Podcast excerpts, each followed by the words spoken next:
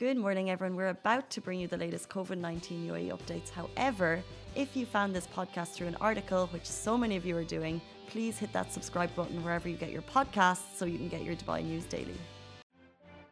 Good morning, Dubai. Welcome back to the Lovin Daily, where I take you through all the trending stories that everyone in Dubai is talking about. It's Sunday, and we are super duper excited. We're going to be talking about His Highness Sheikh Mohammed's 2040 master plan. It got announced yesterday, and what's going to happen in the next 19 years in Dubai is pretty cool. So we're really excited about that.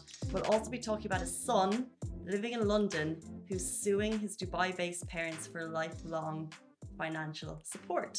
Bold move madness. madness. but apart from that, we'll be we'll also be talking about a COVID nineteen breath test that will get you your results in less than sixty seconds. And UAE fans of BTS Taehyung celebrated his song turning one by donating to a local charity. So we'll be talking about that as well. But it's Sunday. Oh, it's Ah. Sunday. But we make our Sunday mornings a little bit better. Yes. Thanks to Simran's brainwave. With food. We bring our breakfasts. It makes our day a little bit. Breakfast Sunday. Mm-hmm. Breakfast Sundays Oh no. for us, not for Ali though. Every morning, I'm like every single Sunday. We've been doing it for three weeks. I look over, and Ali doesn't have one. I'm good. I'm, I'm chilling. I'm chilling. You can share. So, well, you can share because basically Simran has breakfast for everyone. I went to get my croissant and my coffee deal for 25 dirham, which I know is pricey, but it's Sunday, so I treat myself. And the croissants weren't ready. That's so sad because I remember when you got it like two weeks ago, it looked so nice and crispy croissant. and yummy. And it's like such a treat, start of the week. But I bought this. You guys banana. ruined Casey's morning, like the store she got it from. Like, how can you guys not have croissants? It's because I went there early. No, but they should be ready for these situations. I actually think they don't actually open until eight, but they just open their door before it. So usually I'm there at about seven thirty. It's fine, but I was there a little bit early today, and they had them all glazed and ready to go in. And I was like, in about five minutes, it's going to smell delicious. But I didn't wait. But anyway, Simran, because she has breakfast or and you bought me your little Fade Fit kid snacks. You're so, Choco Loco. you're so cute. So that's my breakfast today. I'm okay with it. But it's okay. Ali doesn't call us to Taco Tuesday, so Mm. we're not inviting him to our breakfast plans. It's fine. Date and cocoa snacks. You can share these with Ali too. I love Fade Fit. Thank you. Hmm? Look at his face. Why I you? don't invite you to Taco Tuesday. No, we never get I invited to Taco. I Did you ever get invited to Ali's Taco Tuesdays? No. Yeah. Thought so, Ali. Those Shame. looks, keep those looks for Shame. someone shame. else. Anyway, what are you guys having for breakfast? And while you're sharing with that with us, I'm going to jump into our top story, which is His Highness Sheikh Mohammed's 24, 2040 master plan will take Dubai's population to 5.8 million people over the next 19 years. This was announced yesterday by His Highness Sheikh Mohammed bin Rashid Al Maktoum, Vice President and Prime Minister of the UAE and ruler of Dubai. He announced the launch of the Dubai 2040 Urban Master Plan in a series of tweets and videos. He basically detailed out what the plan will look like to make Dubai the best city in the world to live in. Did you see the videos? Did you see the photos? Are you excited? I reposted it. Mhm. You reposted it. Oh, I didn't see anything. I was waiting for you to tell me more about it. With the UAE flag and a heart emoji and the Bahrain flag together. How sweet, Ali. Well, it, bas- it, it means what life is going to look like for us. And I think that you don't see this in other cities. In the UAE, they've made seven, excuse me, 70 master plans in total um, in terms of what they want the city to look like. And this one in particular is super exciting. It's all about adding quality of life for us. It's all about additional urban areas and focusing on economic and recreational activities. So I think the key thing that was surprising to us was 5.8 million population. That's actually doubling the population by and taking it up 120% extra. Uh, that was one of the key things. And then the five urban centers. So obviously we have downtown Dubai. What is what will the urban centers in the city look like? It's going to be downtown Dubai, Bur Dubai, Marina, the Expo. So they're going to turn that into an urban center once it's done, which I think is incredible. And also Dubai Silicon Oasis, which is pretty cool too. Wow. That is amazing. Like I read the headline that they're going to turn it into a nature something. Oh, there's so oh. much more. Like I'm, we're just going through top top line here, but yeah, exactly. Yeah, I can't wait. And it's amazing like you said like Dubai is the only city that really shows their plans and sh- you know like they show like okay what you can be expecting from the city and what you can be expecting from the country. So that's amazing. It's super it's super transparent. And i think you just don't see that well i certainly didn't see it when i was growing up. You just don't see that um that kind of progressive attitude. And yeah. you mentioned there more green areas. There's going to be 105% more green area. They're going to put more into conversation into excuse me con- conservation. They're going to have add add an additional 400% public beach space Wow. I love that. Like I love the beach in Dubai. The vibes are so nice and it's free and the water is great. I love it. 400% more beach space in Dubai. Is beach like going to the beach is not free in other places in other countries? Mm, Not in Bahrain. no, but I just mean, in- No? You have to pay to go to the beach? Yeah. Oh. and I also mean in comparison to like all the other activities that you do pay for, the beach is like one free one and it's amazing. Yeah. I hate the beach, but like You hate the beach. I don't like sand and you get dirty everywhere. Ugh. But I, uh, I do get you, but I think the pros outweigh the cons. I yeah, that I think you just offended the people that love to go to the beach. Right? no, No. personally I don't. I, I'm joking. joking. Joking. you've offended people who love to go to the beach. You've offended you've offended the people who like parks and do don't like beaches. Um, No.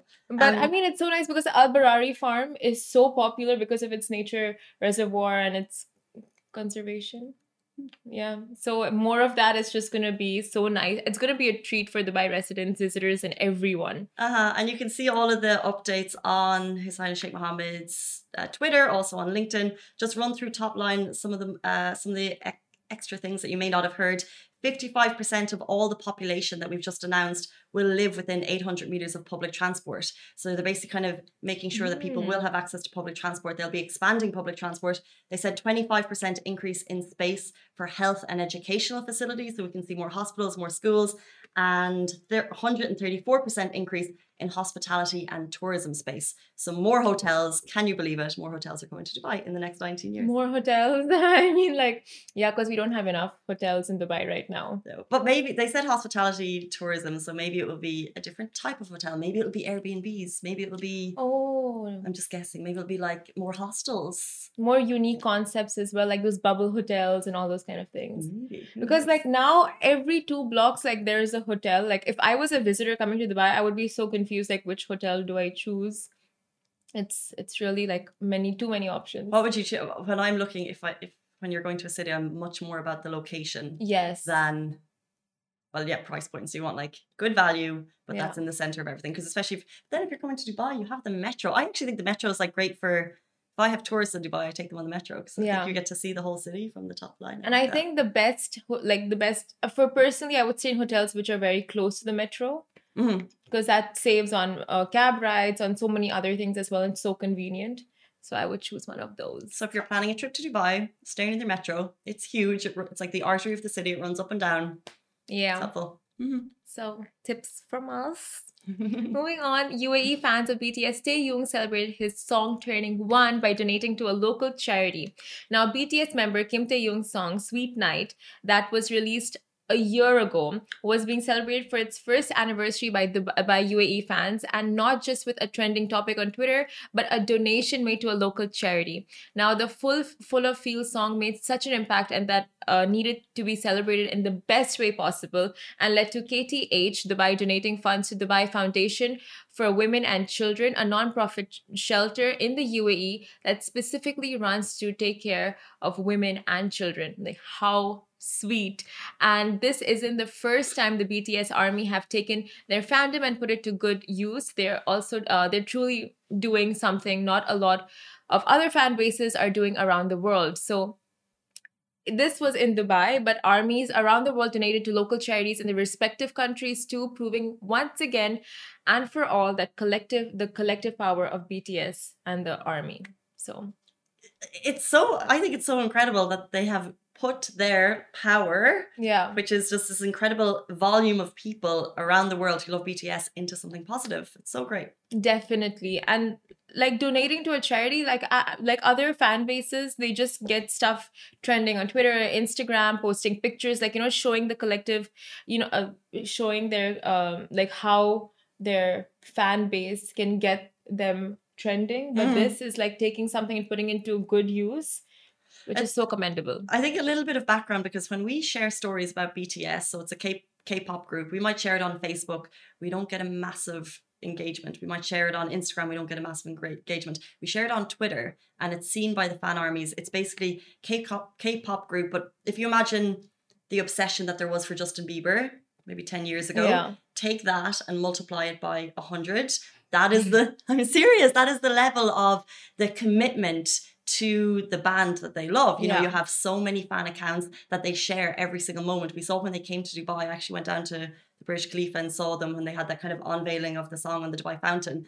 Um, oh, that was massive. it was massive and we reshared those tweets and it's unless you're actually seeing the tweet numbers go up and unless you're actually on Twitter, it's hard to really describe how committed these Yes. fans are to BTS. So it's great to see them channeling it into something positive. I mean, they got him on the Burj Khalifa for his birthday. Yeah, that's so true. And that's just the fans doing the work. It's not even his PR or BTS, the PR of BTS or anything. It's the fans. Mhm. and just them putting in so much of an effort for their uh, icons and all of that so it's it's just i mean if you don't have a fan base like the bts might as well not have a fan base if your fans aren't going to get you on the Burj Khalifa, may not as well at all. yeah Um, we'll like what are on. those fans yeah Lovin Extra is here. This is the new membership, and while absolutely nothing changes for our readers, extra members get access to premium content, exclusive competitions, and first look for tickets and access to the coolest events across the city,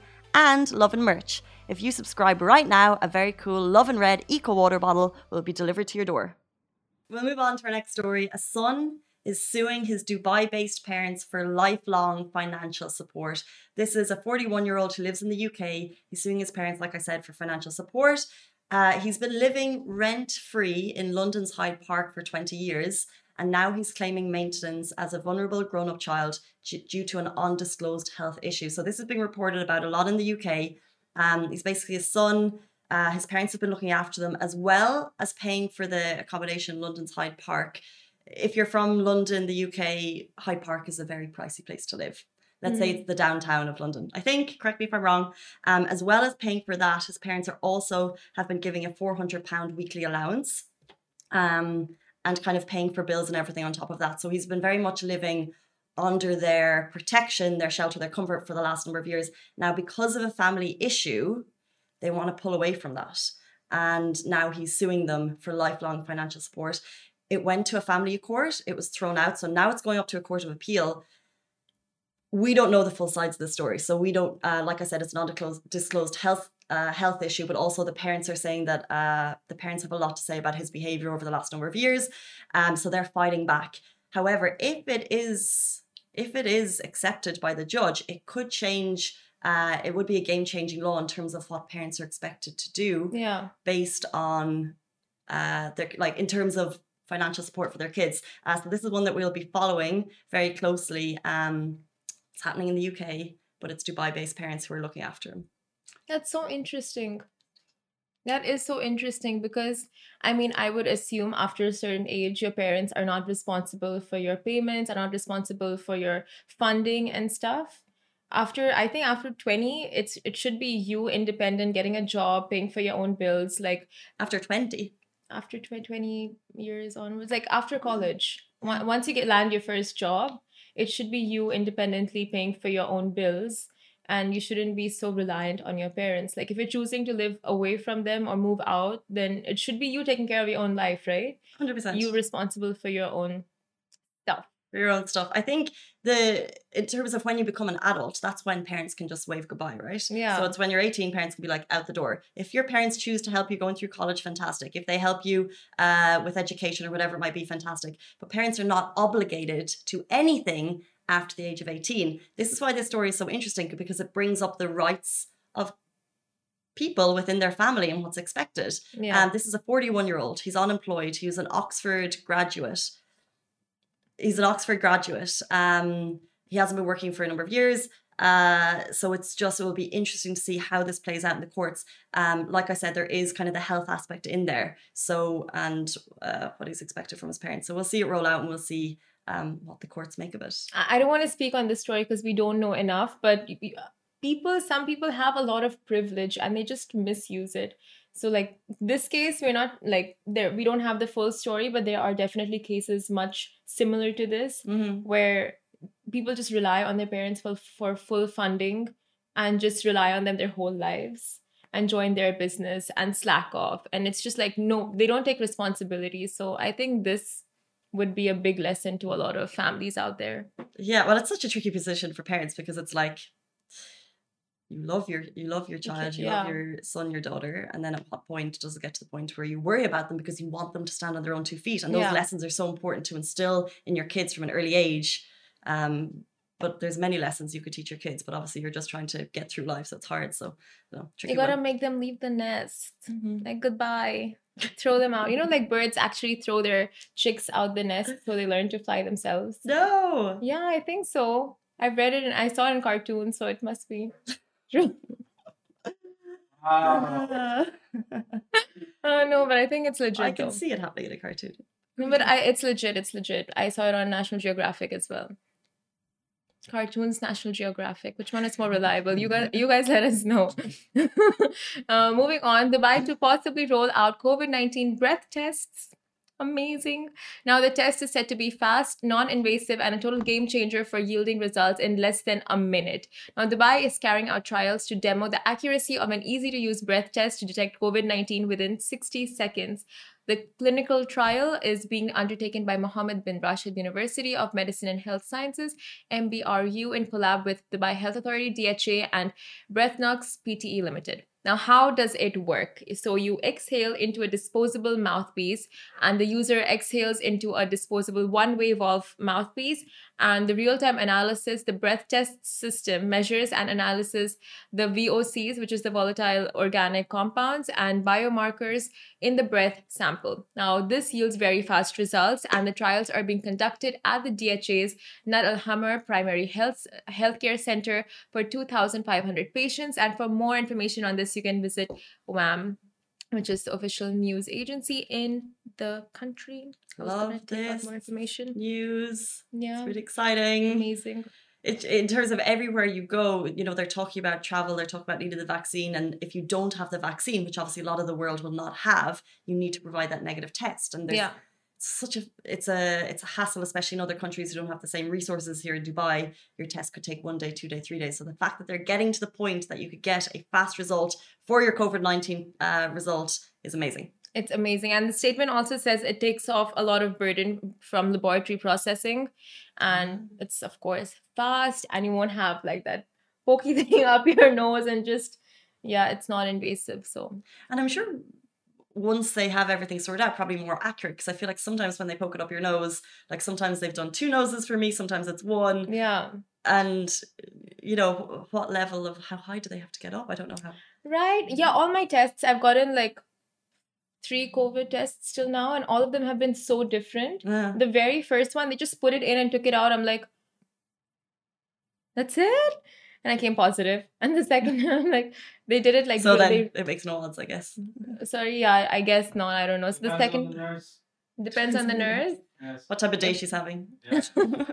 if they're in the mood to inflict pain. no, no, the nurses are doing a great job. no, no, they are. Yeah, yeah. I'm just kidding. All Uh, jokes.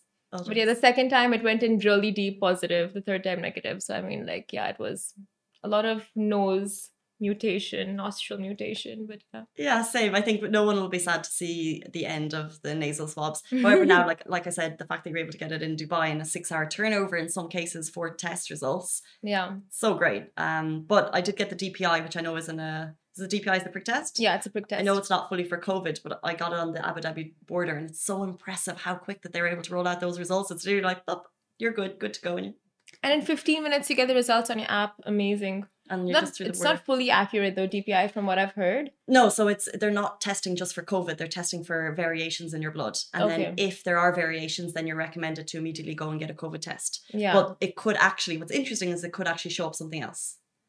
Uh, but you're not actually sure what it is. It's just it's just a positive or negative. So then it's up to you to go and find out what it is. Interesting. But yeah, with the breath test coming out, it's just going to be exciting. I hope it's cheaper than the PCR, like the nose swab test.